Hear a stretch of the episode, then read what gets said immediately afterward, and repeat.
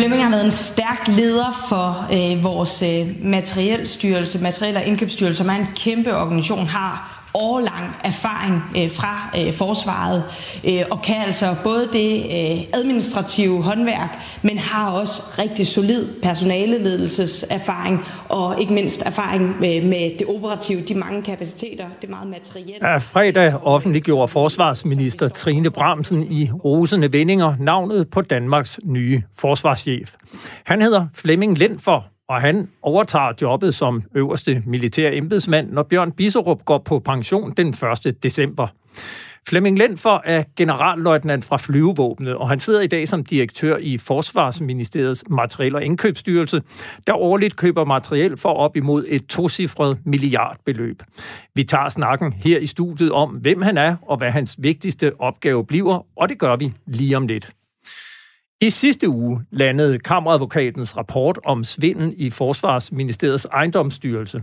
Vi har mødt manden, der fik sagen til at rulle, da han gik til Rigsrevisionen, og vi ser på, hvad rapporten så konkluderer.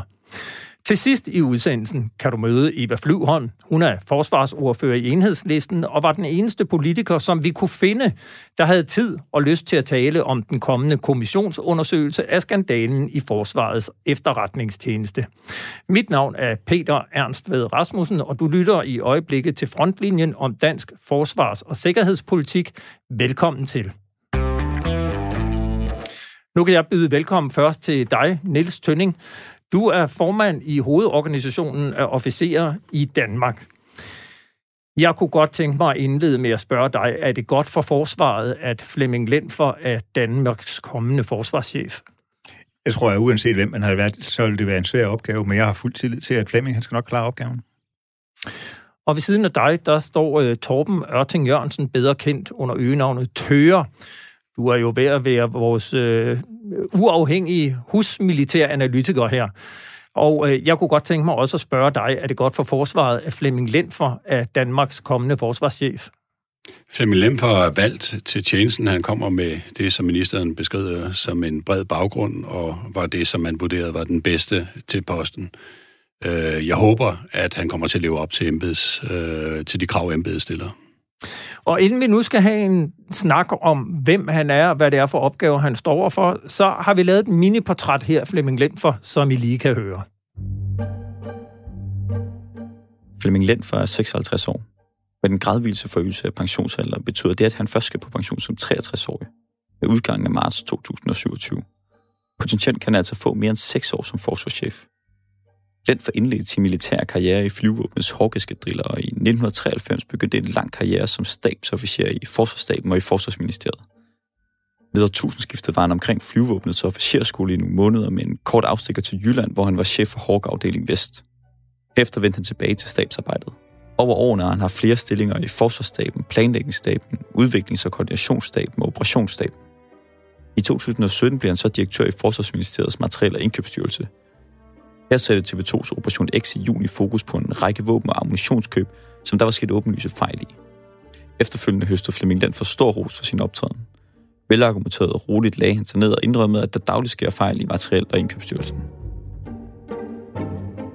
Klagenævnet for udbud konkluderer, at I har handlet i strid med reglerne. Ja, præcis.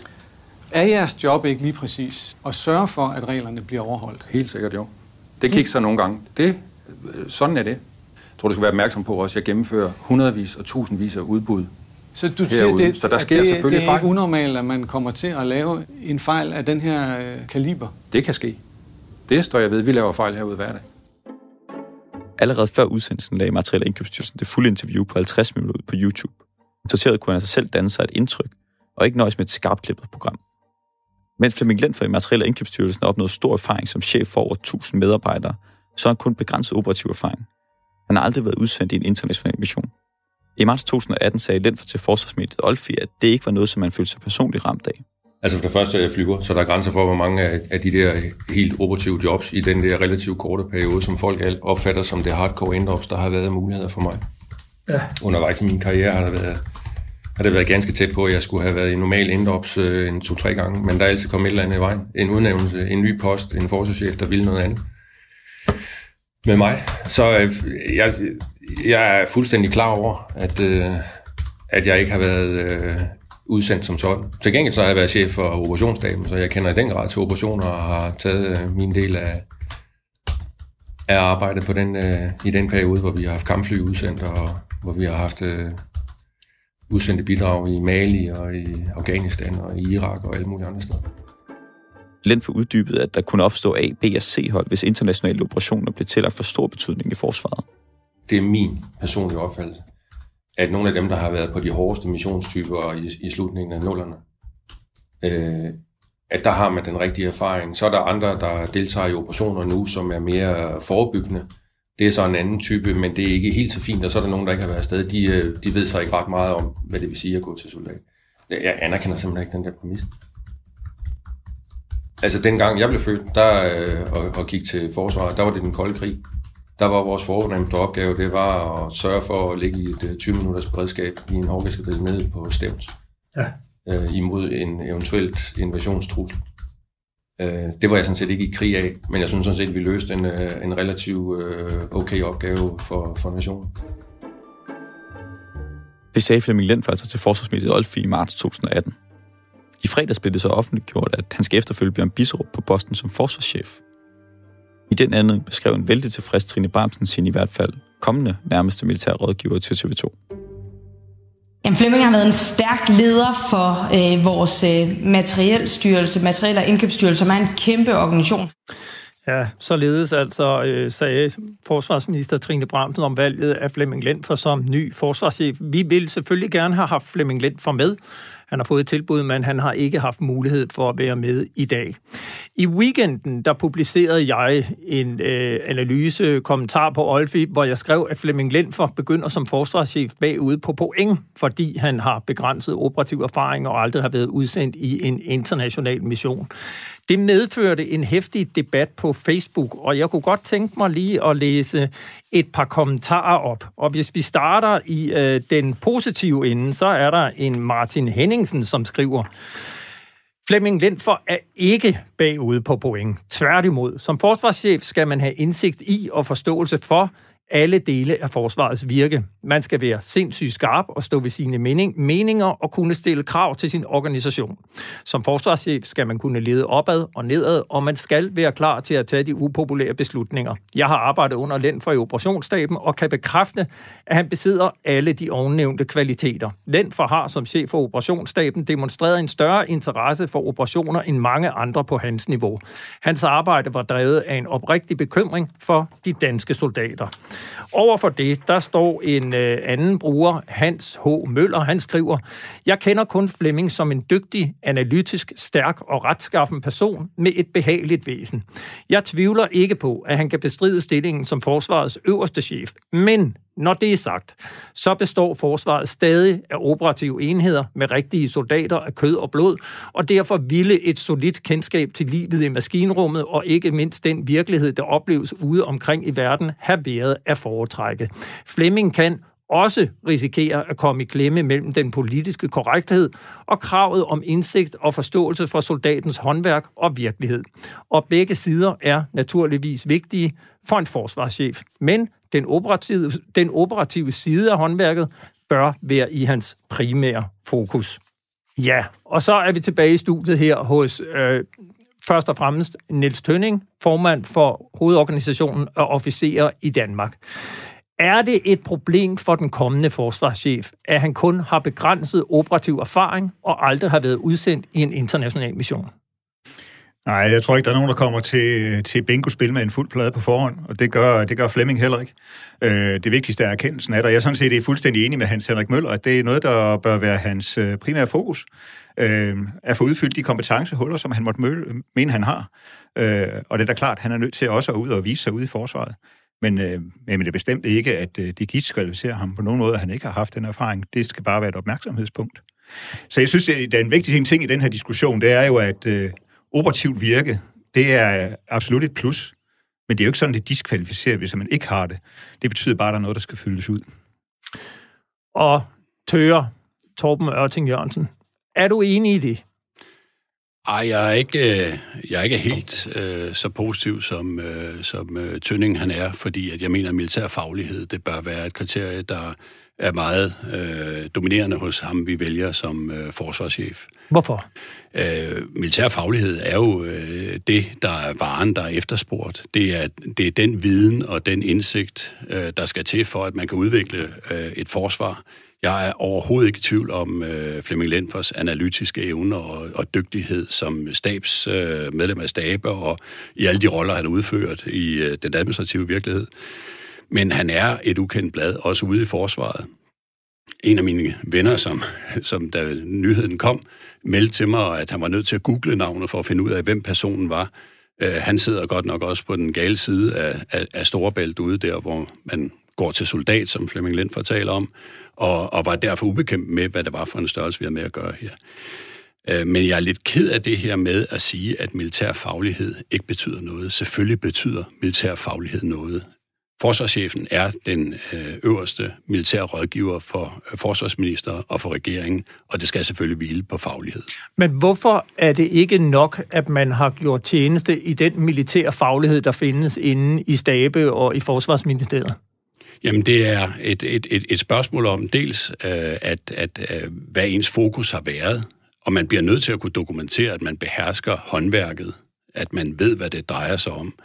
Øh, det er den ene ting. Den anden ting er, at man indgår i internationale relationer. Øh, og, og selvom at, at, at vi sagtens skal tale pænt om, at det er godt at være en god administrator og en, og en god planlægger, en god analytiker og alt muligt andet, så er det altså ikke ligegyldigt, om, om du kan dokumentere, at du har øh, øh, udnyttet dine viden og dine færdigheder. Nede i NATO, hvor han møder sine forsvarschefkollegaer, der kigger man altså hurtigt et CV igennem. Og, og det er ikke prangende det, der kommer øh, fra Flemming Lind. For så der vil han i de diskussioner, der udformes dernede, jo selvfølgelig også være en smule bagud på point. Jeg har stor forhåbning til, og jeg deler Tønnings forhåbning om, at, øh, at han kan rejse sig i embedet, men jeg synes ikke, at han starter lige på det punkt øh, på niveau. Og Niels Tønning, hvad siger du til den kritik, som Tøre retter her? Jeg tror ikke, at jeg sagde noget imod militær faglighed. Øh, det, som jeg er egentlig udtrykker lidt måske tvivl om, det er, øh, om vi kan sige, at Flemming ikke har den. Øh, fordi man kan jo stille sig det spørgsmål, der er ingen tvivl om, hvis man spørger, hvad er det, der karakteriserer operativ virksomhed for en kaptajn? Jamen det er, at han har let folk i felten. Men hvad er det, når vi nu efterspørger det hos en oberst, en general? Øh, hvad er det så for en operativ færdighed, vi egentlig øh, vi efterlyser? Og jeg tror da, at det, at han har siddet i operationsstaben, det, der kvalificerer dig på mange måder i forhold til, til den operative virksomhed, at han så ikke selv bærer medaljerne. Jamen, det skal han kompensere for på en eller anden måde. Øh, men, men at sige, at han ikke har fagligheden, det har jeg i hvert fald ikke belæg for at sige. Hvad med det her forhold? Altså, en ting er de erfaringer, man kan få, når man er udsendt i en international mission. Noget andet er det afsavn, man lider. Altså, hvis vi ser på den professionelle del af det danske forsvar, den uniformerede del, så har langt størstedelen jo været udsendt 1, 2, 3 flere gange. Øh, hver gang der er en, der tager ud, så er der en anden, der kan blive hjemme. Og når der er en, der bliver hjemme, så er der en anden, der må tage ud. Det her med, at man ligesom har taget sin tørn, er jo også noget, der vinder respekt blandt de soldater, der har været ude. Hvad siger du til, til til den udfordring, der er, at han ikke har været ude og på den måde prøvet at være væk fra familie og venner og børn i en, øh, i en længere periode, men faktisk hele tiden har haft et skrivebord tæt på sit hjem øh, i København.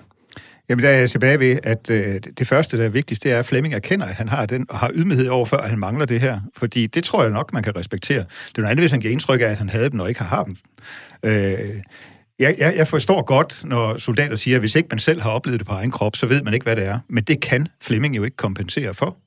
Øh, jeg tror heller ikke, det gør, at han bliver dårligere til at hverken tage sig til veteranområdet eller de folk, der er udsendt, hvis ellers bare han lytter. Og det tror jeg, han gør. Jeg kender ham godt nok til, at han øh, sådan set omfavner personel på den måde, at han lytter til, hvad de siger, inden han træffer sine beslutninger. Jeg ved ikke helt, om jeg deler den opfattelse. Hvis vi tog udgangspunkt i det interview, som øh, øh, vi hørte en bid af om Fleming, så var det jo ikke ligefrem, fordi at han havde hverken respekt eller anerkendelse for, at øh, international øh, udsendelse skulle være en øh, bærende element i et kvalitetsstempel af en selv. Tværtimod så anerkendte han ikke den præmis, hvis jeg husker øh, citatet ret. Men det er også lige meget. Altså, vi er, hvor vi er, og vi har den forsvarschef, vi nu har fået udpeget, og han skal selvfølgelig være en succes. Øh, det vi skal have for øje, det er, at, at, at det er ordentligheden, der skal være i højsædet. Det er det, der er en mangelvare. Det er det, som frustrerer øh, medarbejderne i forsvaret. Det er alle de her historier, hvor der er mangel på ordentlighed, og hvor der er mangel på anstændighed i den måde, man har løst konkrete opgaver på. Det skal han rydde op på. Men det helt afgørende, det er, og det er min største bekymring, og der er jeg tilbage til den militære faglighed. Flemming Lenfer, han har været en del af, af alle vigtige beslutninger. Og der har alt sammen været beslutninger, der har knyttet sig til nedskæringer, rationaliseringer, begrænsninger, afvikling af kapaciteter osv., osv., som har karakteriseret forsvaret de sidste mange, mange, mange, mange år. Nu er vi i en ny situation, hvor den politiske bevidsthed er, at vi skal have et forsvar, som kan dimensioneres og indrettes efter 2% af bruttonationalproduktet. Hvilket vil sige, at vi skal have fundet den militærfaglighed, der kan genopbygge et forsvar, der inden for de rammer kan løse opgaverne både nationalt og i rammen af vores sikkerhedsmæssige garantier i NATO og andet sted. Og det er her, jeg har min allerstørste bekymring, fordi det er et andet mindset, der skal til. Og det er som end ikke kun Flemming Lind for, det gælder også det, de mennesker omkring ham, han skal til at vælge. Og så min sidste pointe, det er, at vi skal jo heller ikke øh, tro, at det står og falder med en Flemming Lind for, fordi forsvarschef-embedet har jo ændret sig. Øh, forsvarsembedet er på en god dag en øh, COO, ikke? en Chief Operation Officer, Øh, hele øh, strukturen af, af, af forsvarets område er jo fragmenteret. Han kommer selv fra en af de fragmenterede dele materiel øh, tjenesten, som er en styrelse under Forsvarsministeriet. Og vi har fremdeles en struktur, hvor det vil være departementchefen, der er det sidste samlende leder, som egentlig er forsvarschefen i øjeblikket. Men inden for den ramme skal han stadigvæk levere den militærfaglighed, som er efterspurgt af regering og folketing og andre. Og det er den, jeg synes er helt central for hans øh, succes vi skal jo også lige runde det her med, at han er jo fra et af de blå værn, som man siger. Han er, han er flyver, han kommer fra flyvevåbnet. Efter en periode, hvor vi har haft en lang række af forsvarschefer fra hæren, Nils Tønning, hvor meget betyder det, at han er fra flyvevåbnet? Det kommer jo helt an på, hvem du spørger. Øh, hvis du spørger en fra flyvåbnet, så er det afgørende, at det er en fra flyvåbnet. Hvis du spørger en fra hæren, så vil de gerne have set en derfra. Øh, jeg mener, at forsvarschefsembedet har ikke nogen værnsfarve det er sådan set vigtigst, øh, det er, at øh, forsvarschefen han fagner hele forsvaret. Øh, og jeg tror ikke, det betyder noget. Altså, lidt tilbage, hvor vi var med, med den operative erfaring. Jamen, hvis vi ser på, hvad flyvåbnet har haft missioner, så har der sådan set ikke været nogen, hvor Flemming kunne blive udsendt i. Øh, og, Han siger selv, at han har stået over for to-tre udsendelser. Ja, men hvis det nu for eksempel er et spørgsmål om at monitere, hvor, øh, hvilke, hvilke forhold der er i Kabul, altså gå rundt og kigge på, om de, pengene havner i de rigtige lommer. Er det en udsendelse i nogens bevidsthed? Han har jo ikke kunne blive udsendt med en fregat. Han har ikke kunne blive udsendt med en herreenhed. Missioner er jo mange ting. Øh, så så øh, jeg, jeg, jeg synes ikke, at forsvarschefsembedet har nogen værnsfarver. Det tror jeg heller ikke, Flemming. Han, øh, han vil ikke være den, der tager øh, sit eget værns fortrin. Øh, han ved godt, at det her det er noget, hvor det hele skal afbalanceres. Og lidt tilbage, hvor Tøger var før. Jeg ser det sådan set som en styrke, at der er jo ikke et eneste element i det forsvar, vi har i dag, uanset om det er skabt i, helt tilbage i forrige forlig eller forrige igen, øh, som Flemming ikke har været dybt inde i. Så han kender jo præmissen i dem, og derfor så kan vi jo se, om der er nogen af dem, der er reversible, så han kan få det lavet godt ud af det nu.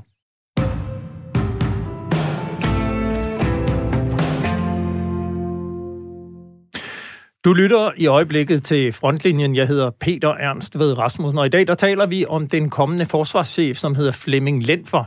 Og med mig her i studiet, der har jeg Torben Ørting Jørgensen, bedre kendt som Tøger, en uafhængig militær analytiker, pensioneret kontradmiral. Og ved siden af står Niels Tønning, formand for hovedorganisationen af officerer i Danmark. Nu talte vi så om det med hans baggrund. Hvis vi så kigger lidt frem i tiden, hvilke opgaver bør Flemming Lind for så prioritere, når han tiltræder den 1. december, og hvad vil han blive vurderet på? I min optik, der er det at genop, øh, øh genopleve tilliden mellem top og bund i forsvaret. Det, jeg oplever i meget høj grad, det er, at specielt det forlig, hvor man sparede 15 procent på forsvaret hen over natten, øh, det var den beslutning, som Claus Hjort Frederiksen som finansminister i Lykke-regeringen stod øh, fader til, og som blev implementeret af Nick Hækkerup e-, efterfølgende. Den har virkelig flækket øh, forsvaret. Den betød jo, at fordi der var nogen, der sagde, at det kunne ske, uden at det gik ud over de operative kapaciteter, at en lang række forringelser blev oplevet af personelområdet, af uddannelsesområdet og andet. Og der var ikke nogen, der forstod en bønne af det her i dem, der havde støvler på og var ude i de udførende led. Den mistillid, den døjer man stadigvæk ved. Der er et, et, et, et parnas her omkring København, som kan se det hele, og som er tæt på de politiske processer og kan forstå det hele. Og vi har jo også haft en, en forsvarschef, Bjørn Bisserup, som har udtrykt øh, større bekymring for, at forsvarsbudgettet skulle stige, øh, fordi så havde man ikke råd til hospitaler andet, end han egentlig var interesseret i at sørge for, at forsvaret fik, hvad de skulle have øh, i de ændrede sikkerhedsmæssige præmisser, som er realiteten her i dag.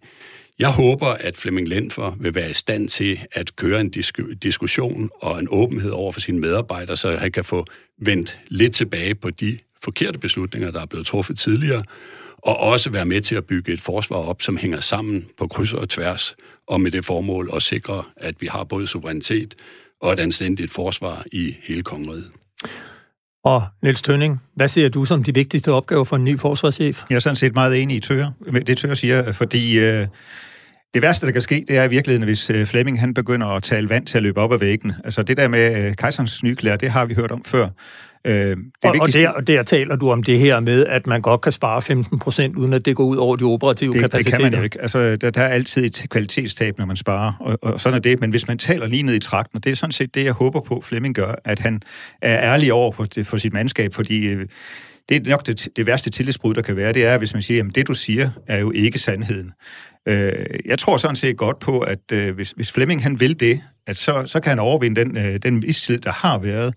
Øh, fordi ærlighed, øh, altså loyalitet peger begge veje, og, og, og det, skal, det skal han i hvert fald stå for. Kan man også sige, at øh, der har været en tendens til, at forsvarschefen, særligt med den nye struktur, som du talte om, Tøger, har haft en tendens til mere at lyde som en politiker og tale som et forlænget rør af, en eller anden politikertragt. Øh, og, og hvor det, som soldaterne savner at høre, det er lige præcis, at det begge to øh, sætter fokus på her, at man kan ikke tale vand op ad væggene. Altså det, det er en kunst, som mange har prøvet før, før de, den nuværende forsvarschef også. Jeg kan huske, der var en forsvarschef, der sagde, at virkeligheden ser meget forskellig ud af, om man står på brovingen på et hangarskib, eller man sidder i en robåd.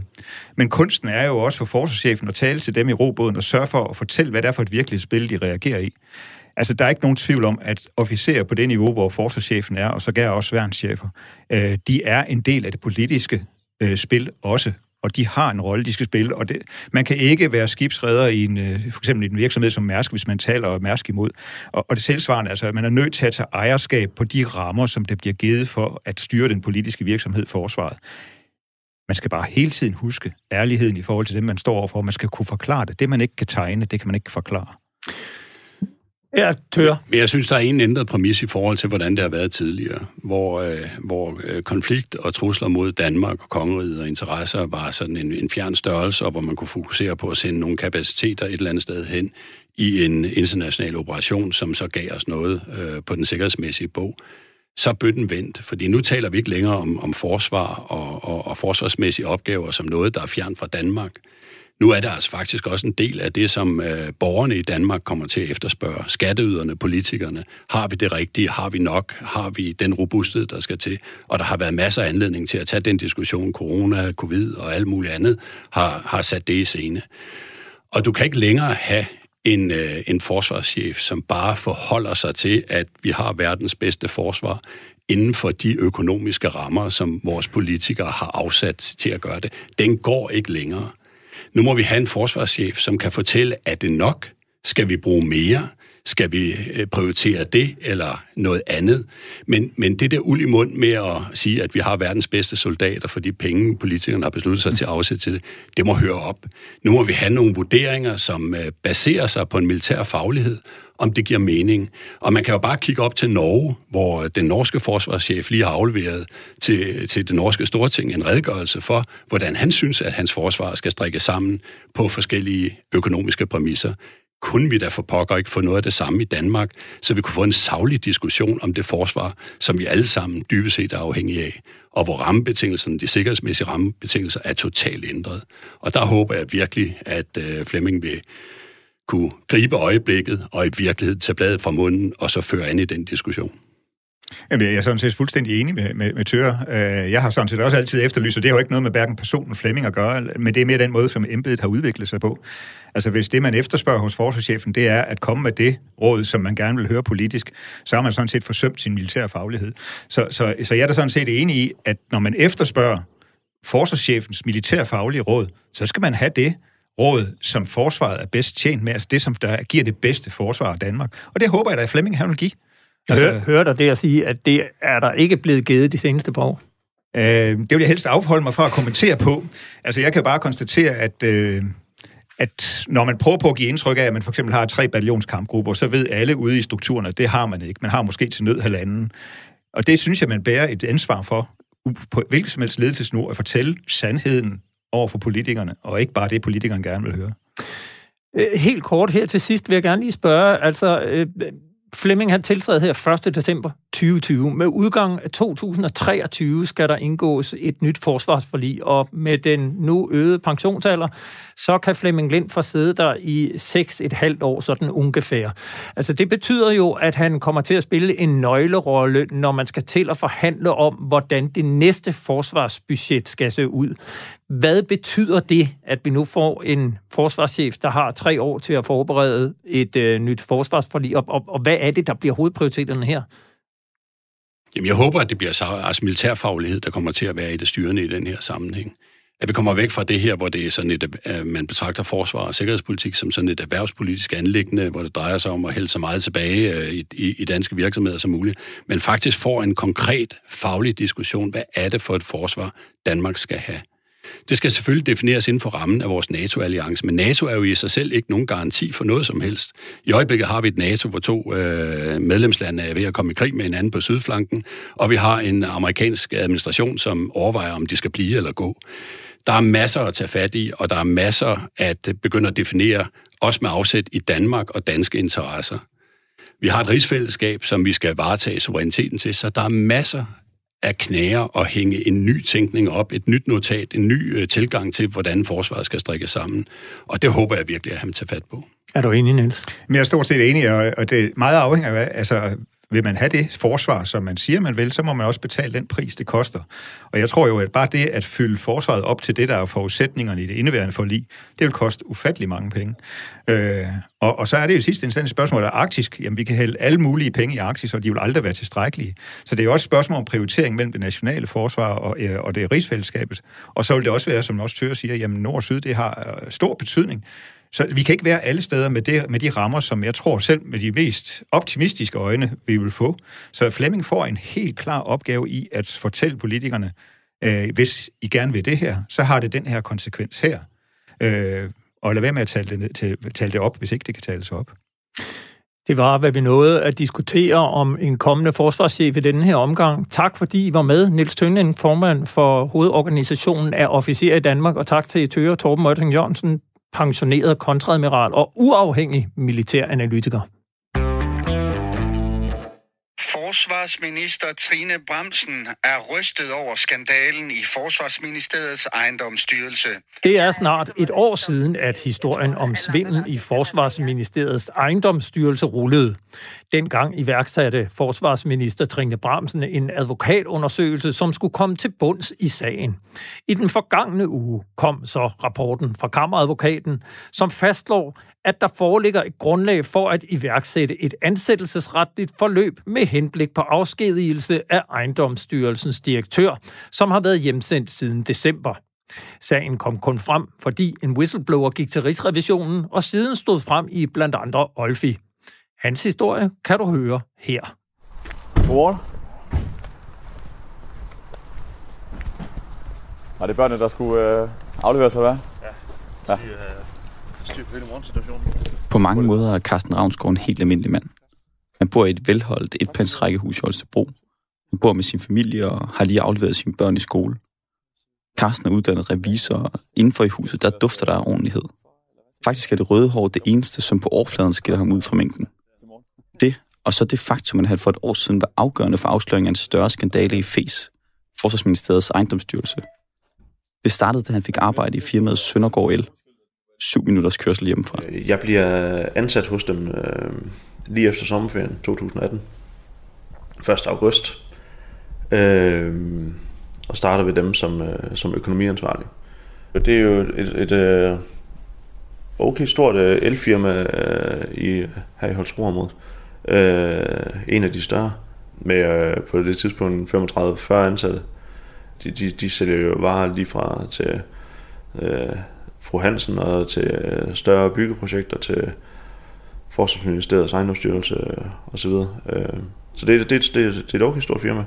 Øh, og jeg havde lidt håbet, at jeg kunne gå ud og, og, og hjælpe med at få, få tingene digitaliseret og automatiseret nogle ting, så, så man måske kunne hjælpe øh, ejeren med at få udviklet øh, virksomheden øh, fremadrettet. Øh, og, og altså, så jeg, havde, jeg så meget frem til at skulle, skulle være ude i firmaet, og jeg havde nogle, synes, det var nogle fantastiske kollegaer, nogle øh, gode folk, der er derude. Øh, generelt set, de er gode, gode elektrikere og gode samarbejdspartnere der. Jamen, der blev overlevet de sådan generelle ting omkring øh, nogle ting, som, øh, så, øh, som helt almindeligt med, med løn og nogle personaleforhold måske, og der er noget øh, ansættelsesforhold og hvad man lige skal være opmærksom på, og nogle, nogle, nogle perioder, som, som måske er nogle ting, man lige skal fuldt op på. Øh, og så, så er der selvfølgelig også øh, alt det omkring øh, øh, ejendomsstyrelsen, der bliver, der bliver overdraget der, øh, og det bliver overdraget sådan lidt på et, på et tidspunkt, hvor øh, der ikke skulle være andre i kontorlokalet. Øh, det var ikke noget, der skulle snakke så alt for højt om. Det var noget, jeg havde, fik, fik at vide i hvert fald der, at det var noget, der, der havde kørt stået på i, i en del år, at der godt kunne blive handlet lidt, øh, lidt lamper og øh, nogle store puljer og nogle lamper en, en gang imellem. Øh, og og man, jeg havde i hvert fald en fornemmelse af hende, der havde været der, at, at det var, det var en, der, der var noget i det, der måske ikke var helt rent i kanterne.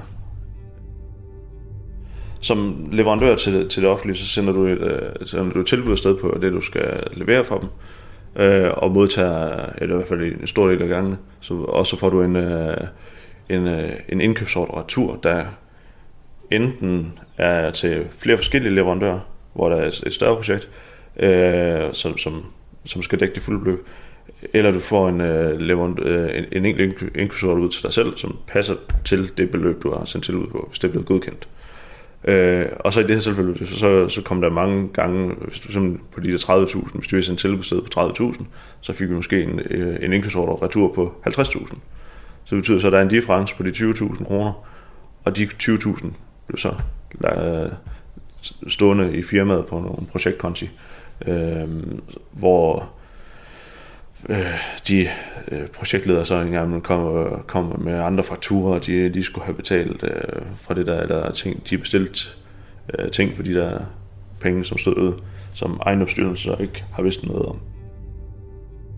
Det, det varierede utrolig meget. Det kunne være flere uger, hvor der man slet ikke hørt fra dem, og der kunne være flere uger, hvor, man, hvor de så var der flere gange i ugen øh, med, med, med ting og sager. Især lige op mod jul. Øh, der, der, der modtog vi så en masse indkøbsorder som på, på noget, som vi slet ikke vidste, vi skulle udføre øh, på, på en masse redningsstationer rundt omkring i, i Danmark. Øh, og, og det, der fik vi bare indkøbsordre på alle sammen på, på 100.000 kroner, øh, selvom vi ikke har sendt tilbud på de ting, der tilbud på det overhovedet. Forsvarets ejendomsstyrelse overførte altså 100.000 kroner til Søndergaard El, som betaling for et stykke arbejde, der ikke var udført og ikke engang er givet tilbud på. Pengene figurerer som brugt hos ejendomsstyrelsen, selvom de ikke er det. I virkeligheden står de som en reserve hos elfirmaet i Holstebro. Og det, det bliver en del penge, man har til at stå sådan rundt omkring. Og det er sådan, de, de der redningsstationer, det, det, det jeg sådan har, har hørt fra Rigsrevisionen, det er i hvert fald, de først blev, det, den sidste af dem blev først udført en gang hen i august måned øh, 19. Øh, så næsten, et, næsten lidt over et halvt år efter man overhovedet har fået pengene ind øh, på det. Øh, til at starte med, øh, da jeg får information, der, der ligger min, øh, min far allerede på sygehuset og, og øh, ligger på det. Vi har fået at vide det, det på det sidste. Øh, på grund af kraft, øh, havde overtaget lidt, lidt af ja, funktionsliv, øh, evnen der. Øh, så jeg sidder sådan lidt øh, i begge lejre. Jeg har lidt noget, kæmper noget følelsesmæssigt med, med den gamle, og sidder og følger med, med på, hvis han skriver et eller andet ting, om jeg skal komme ned, og, og diverse ting, samtidig med, at hun overdrager noget af det information der, hvor jeg så sidder og tænker, eller for, også får sagt til hende, øh, jamen det vi jo ikke så, så skide godt, men, men, men det må jeg jo så se på øh, hen ad vejen, øh, hvordan, hvordan er Og så er det, jeg står i, i øh, min far han dør øh, 14 dage efter jeg startede der, og så øh, lidt tid efter dør min far storbror også. Øh, så det bliver lige en periode, hvor jeg ikke rigtig får gravet i, hvad det er, der foregår med de hensyn til de penge der.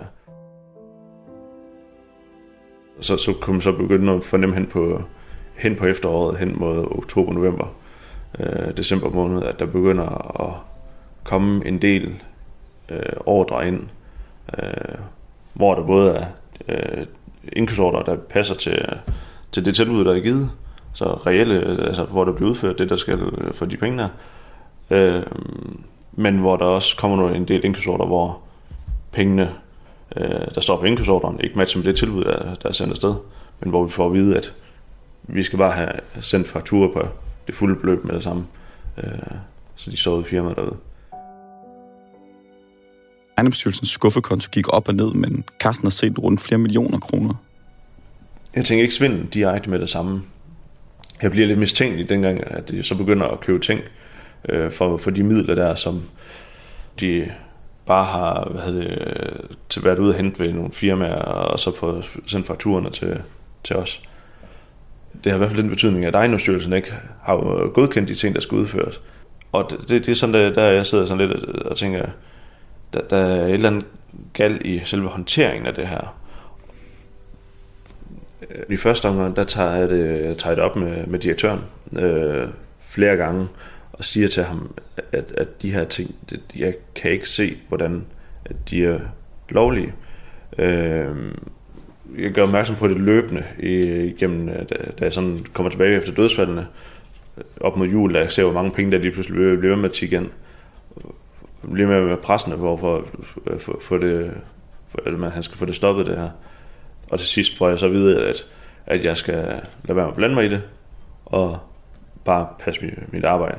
Øh, og stopper så egentlig delvis med også at, at, at lægge mere pres på, på det, på det punkt der. Øh, indtil jeg så tager, tager fat i, øh, øh i revisoren i forbindelse med, at der skal laves et årsregnskab. Og der siger han direkte til mig, at det skal ikke fremgå nogen steder af hans dokumentation. Så det sletter han. Jamen, jeg bliver så lidt fortvivlet, fordi jeg synes, jeg har vist en masse dokumentation på, på ting, som, som han burde reagere på. Øh, som jeg i hvert fald kunne se, øh, der ikke var, var, var korrekt øh, og korrekt metode at, at gøre tingene på. Øh, så, så jeg sidder og bliver lidt fortvivlet og går, går ud efter mødet og sidder lidt i min egen lille verden lige og sidder og tænker, hvordan, hvordan delen skal jeg håndtere det her? Hvad, hvad skal jeg gøre nu? Skal jeg bare lade det være, eller hvad skal jeg? Carsten taler først med sin kone, så med sin svigermor, så med sin storebror og til sidst med sin advokat. Han snakker om, at jeg skal politianmelde det. Øh, men det følte jeg ikke lige på det tidspunkt. Så jeg tænker, at der må være en anden part i det her, som, øh, som, som kan gå ind og, og undersøge det. Øh, og det er så der, jeg så vælger at tage fat til Rigsrevisionen. Inden Carsten fortæller videre, skal jeg måske lige forklare, at Rigsrevisionen er statens uafhængige revisionsmyndighed. De har til formål at sikre, at den danske stat forvaltes effektivt og så økonomisk hensigtsmæssigt som muligt. Sådan formulerer de det i hvert fald selv.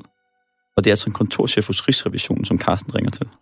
Øh, og da han så hører, hvad det er, der bliver købt for de der penge, og hvor mange penge det egentlig drejer sig om, øh, der bliver han, man kan fornemme på ham, at det her, det, det, det der stikker, det, det vil han meget gerne have, at vi får arrangeret med på.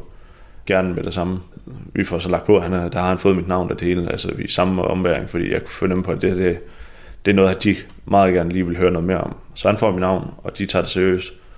Øh, og, og bliver så indkaldt til et møde en lille uge senere øh, i København. Mødet finder sted på Landgreven i København, og der deltager både folk fra Rigsrevisionen, Forsvarsministeriet og Forsvarsministeriets regnskabsstyrelse. Der så øh, nok sådan, jeg, som lige husker det, en 8-10 mand øh, øh, samlet set. Øh, så kommer jeg sammen med min, min storebror, som også bor i København. Øh, så, så man kommer ind i sådan en mødelokale der og skal sidde og fortælle dem, hvad det er, der foregår. Øh, stå og vise dem, hvad det er, jeg har dokumenter, hvad det er, jeg kan vise dem, øh, transaktioner kører rundt hvordan det, foregår, øh, det rent metodisk foregår rundt omkring. Det, der kan man se på dem i hvert fald, at de, de sidder sådan lidt og, og ryster på hovedet, øh, hvad, hvad, hvad, hvad, de, hvorfor de køber en, altså historisk set måske har købt en, øh, en enkelt drone ved, ved, ved et elfirma i Holstebro. Det sagde de også med det samme. Det, det skal de jo ikke købe igennem et elfirma. Det, det skal de jo købe igennem de indkøbsordninger, de har på sådan ting, hvis de har behov for en drone. Carsten holder yderligere fire møder med Rigsrevisionen. Og godt et halvt år senere, så rammer historien offentligheden. På et pressemøde tidligere i dag kom det frem, at Forsvarets ejendomsstyrelse ikke har haft orden i sagerne, og der kan have været begået voldsom svindel. Er du overrasket over, hvor stort omfang den her, den her sag får? Jeg havde i hvert fald ikke lige, da jeg valgte at øh, kontakte øh, Rigsrevisionen, set, at det var det her, at det var det omfang, det ville få. Øh, jeg havde måske tænkt til at starte med, at der var nogle enkelte folk, der måske skulle have en, øh, et, et, øh, et god gammeldags rap over natterne og sige, øh, at det der, det stopper vi nu, og måske nogen, der, der, måske var der vel det sted være nogen, der blev afskedet på grund af det. Og nu kan man sige, at grunden til, at vi sidder her i dag, er jo også fordi, at, at sagen ligesom er fortsat efterfølgende. Øh, Forsvarsministeriet øh, har gjort en hel masse ting øh, for at forsøge at ændre på, på, på de systemer, der har været. Øh, og øh, her i sidste uge, der kom øh, kammeradvokaten også med, med deres øh, øh, revisionsrapport, øh, som jeg ved, du har haft anledning til også at i hvert fald kigge en, en, en lille smule i. Ja. Er der noget, du, øh, du hæfter dig ved i, i det, som du har, har læst? Øh, jamen, nu, nu, nu, nu har jeg primært siddet og kigget i, i revisionsrapporten, som har dannet, og som også har været noget af grundlaget for den videre arbejde for kammeradvokaten. Øh, og, og, og det jeg sådan lidt hæfter mig ved, det er, at, øh, at de har lavet sådan en, øh, det de kalder en modenhedsskala af, af ejendomsstyrelsens kontrolmiljø, øh, hvor det virker til, at deres generelle kontrolmiljø er meget øh, lemfældig. En virksomhed af den størrelse bør jo have nogle, øh, nogle, nogle professionelle øh, og, og gode kontrolmiljøer, som, som ikke skal øh, begrænse medarbejdernes virke, øh, men, men samtidig med at være en, en form for kontrolorgan, så at man har styr på transaktionerne og pengene, og hvad, hvad pengene bliver brugt til. Og det virker ikke til at have været det sådan helt vildt før. Kammeradvokatens undersøgelse er endnu et forløbigt punktum. Nu afventer Carsten udfaldet af en politisag, der ligger hos Bagmandspolitiet. Det, det, det får jo ikke et endeligt punktum før, at den del også er videre, for, for mit vedkommende i hvert fald.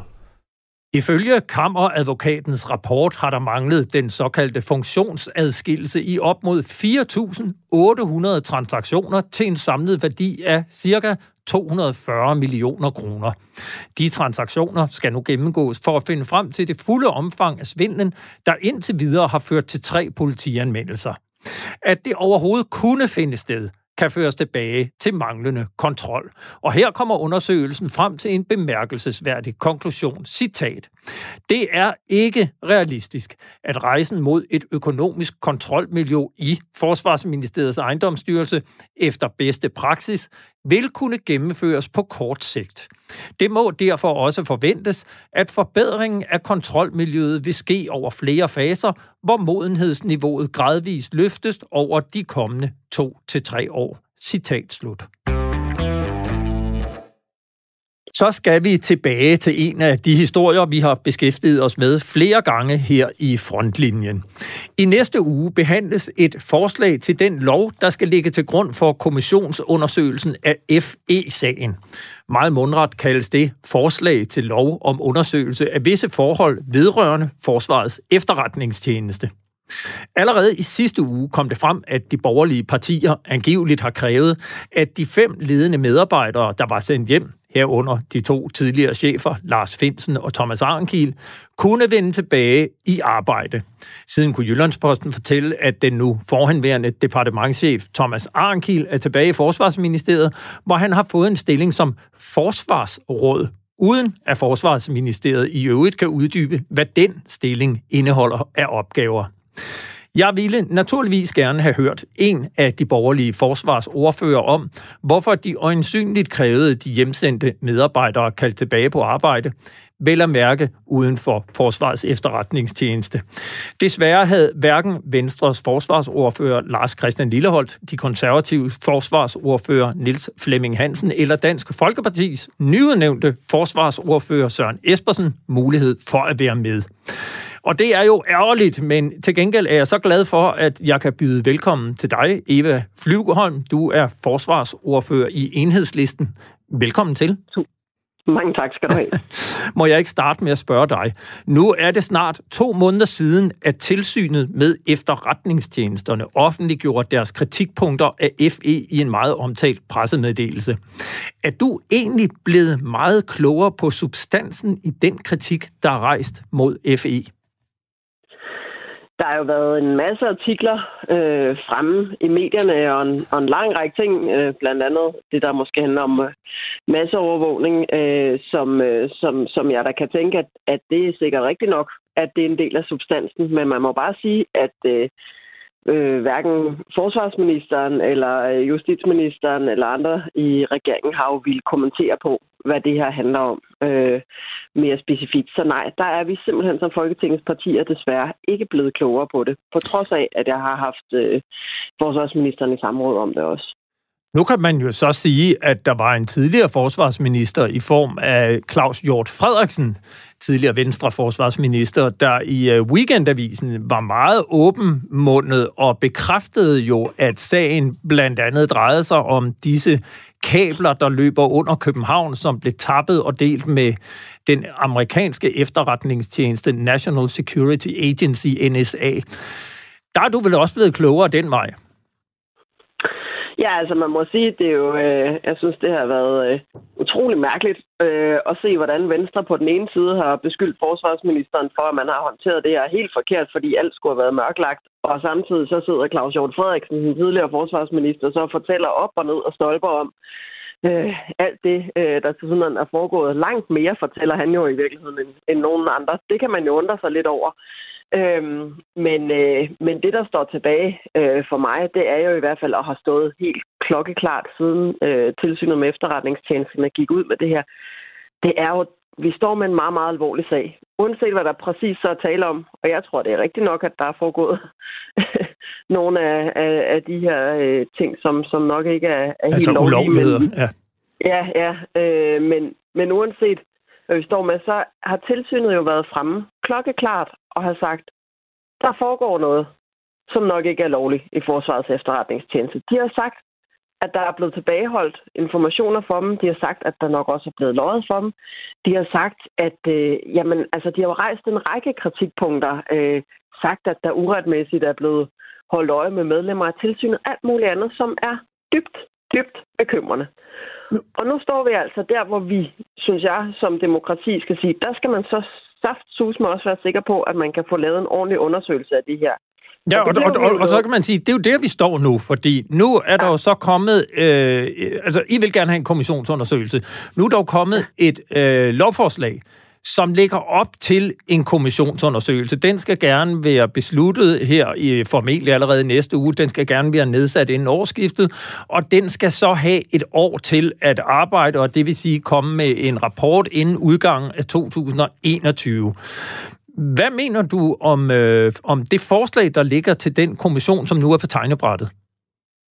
Jamen, jeg må sige, at jeg er dybt skuffet og foruroliget over, hvad det er, Hvorfor? Øh, regeringen har lagt frem. Øh, jamen helt grundlæggende, fordi vi kan ikke få at vide, hvad det er, der skal undersøges i den her kommission. Altså, der står bare, hvis man læser lovforslaget, ikke, så står der, vi vil se på nogle dele af den kritik, tilsynet har rejst. Det burde jo være alle dele, der skulle undersøges som det første.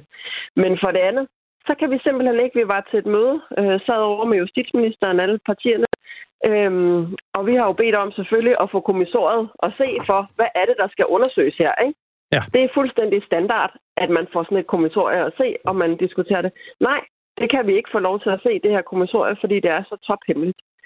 Det betyder jo bare, altså, at vi ikke aner, hvad der vil blive undersøgt. Jeg har spurgt ind til for eksempel, jamen kan vi være sikre på, at det bliver undersøgt, hvad tidligere øh, forsvarsminister og departementchefer, hvad de egentlig har vidst her. Har de været med til at vildlede tilsynet, eller er der blevet løjet for eksempel for Folketingets kontroludvalg, som vi jo også har hørt nogle bekymringer om, at der kan være det problem osv det er jo sådan nogle ting, det kan jeg simpelthen ikke få nogen forsikringer på, om det vil blive undersøgt. Men altså Men i, i, i, i forslaget, der står der, at undersøgelseskommissionens opgaver fastlægges nærmere i kommissorium, som fastsættes af justitsministeren. Har du ikke tillid til, at justitsministeren vil have den her sag undersøgt til bunds?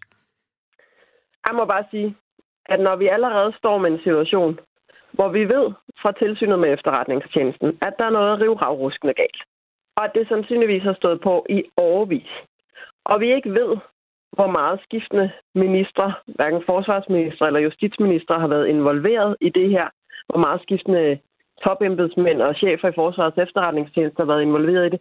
Nej, så mener jeg ikke bare, at vi kan have tillid til, at sådan en undersøgelse, der foregår fuldstændig mørklagt, at den vil øh, kigge på de relevante ting. Det mener jeg desværre ikke, vi kan have tillid til.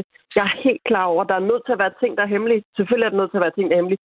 Men at skrive ned på et stykke papir, hvad man lover hinanden, der vil blive undersøgt. Det burde ærligt talt være lige til højre benet, og det skulle jeg mene, at Justitsministeriet også kunne finde ud af at gøre, uden at afsløre allerede hemmeligheder. Mm. Øh, man kan sige, og, og det er jo meget det, debatten drejer sig om, at efterretningstjenesterne må jo i sagens natur arbejde i det skjulte, og det betyder også, at man jo selvfølgelig risikerer at afsløre deres arbejdsgange, hvis, hvis deres arbejde bliver lagt ud i, i det offentlige.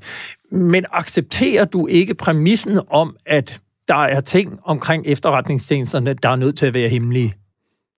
Selvfølgelig er der ting omkring efterretningstjenesterne, der er nødt til at være hemmelige. Det giver jo sig selv.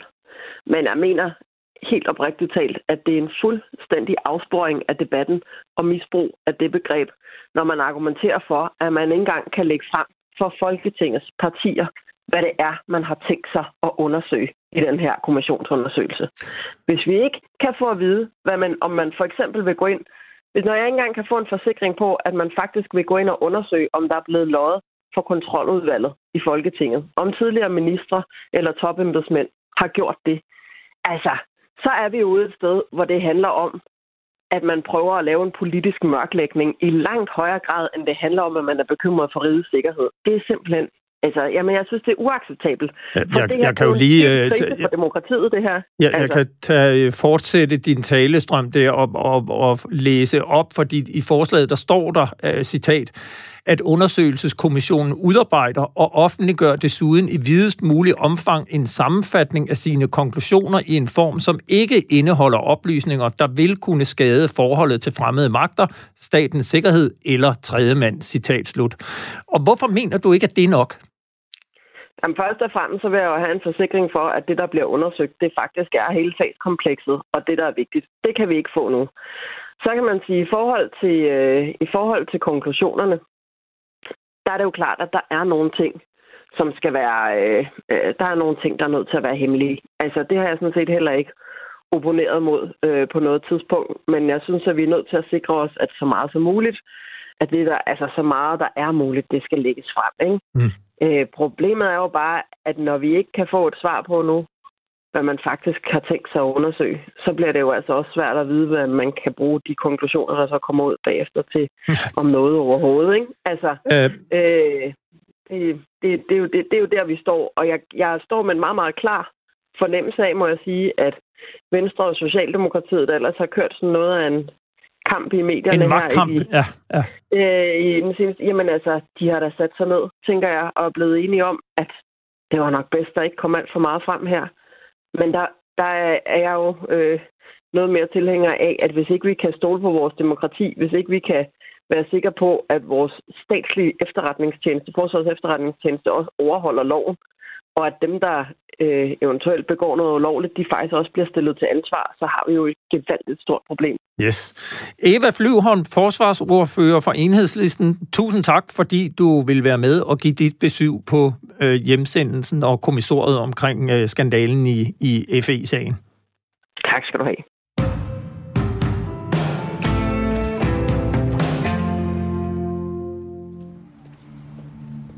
Det begyndte pænt kedeligt. En komplet ukendt mand, der lever et stilfærdigt og anonymt liv i en forstad til København. Søndag aften sendte DR en dokumentarudsendelse, som jeg lige så godt kan afsløre er noget af det vildeste og mest vanvittige, jeg nogensinde har set. Gennem mere end 10 år har journalisten og dokumentaristen Mads Brygger instrueret det, der bedst kan betegnes som en veldokumenteret efterretningsoperation med henblik på at afsløre Nordkoreas morderiske regime. Mulvarpen Undercover i Nordkorea handler om førtidspensionisten Ulrik Larsen, som efter at have set Mads Bryggers dokumentarfilm om Nordkorea fra 2006, melder sig ind i den danske afdeling af Nordkoreas venskabsforening. Her stiger han hastigt i graderne, og i løbet af få år får han adgang til toppen af det nordkoreanske regime. Her finder han ud af, at Nordkorea desperat leder efter internationale investorer til landet, og de er svære at finde, når landet er ramt af omfattende sanktioner. Derfor finder journalisten Mads Brygger en velvalgt person, der kan spille rollen som købelysten milliardær. Denne person er Mr. James. Hans rigtige navn er Jim, og han blev valgt af mig til at spille rollen som Mr. James. En mystisk og velhavende verdensmand. I virkeligheden er Jim en forhenværende infanterist i Fremmedlegionen, som skiftede soldaterlivet ud med en karriere som jetset kokainpusher i København. Hvis du endnu ikke har set Muldvarpen Undercover i Nordkorea, kan du gøre det på DR's hjemmeside. Og så kan du glæde dig til, at vi på næste tirsdag taler med Mads Brygger om den efterretningsoperation, han som en slags føringsofficer har organiseret for at afsløre regimet i Nordkorea. Det er stærkt underholdende, kan jeg godt afslører. Det var alt, hvad vi nåede i denne udgave af Frontlinjen. Har du ris eller ros, er du velkommen til at skrive os en mail på frontlinjen radio4.dk. I redigeringen sad Jeppe Rets Husted. Tak fordi du lyttede med.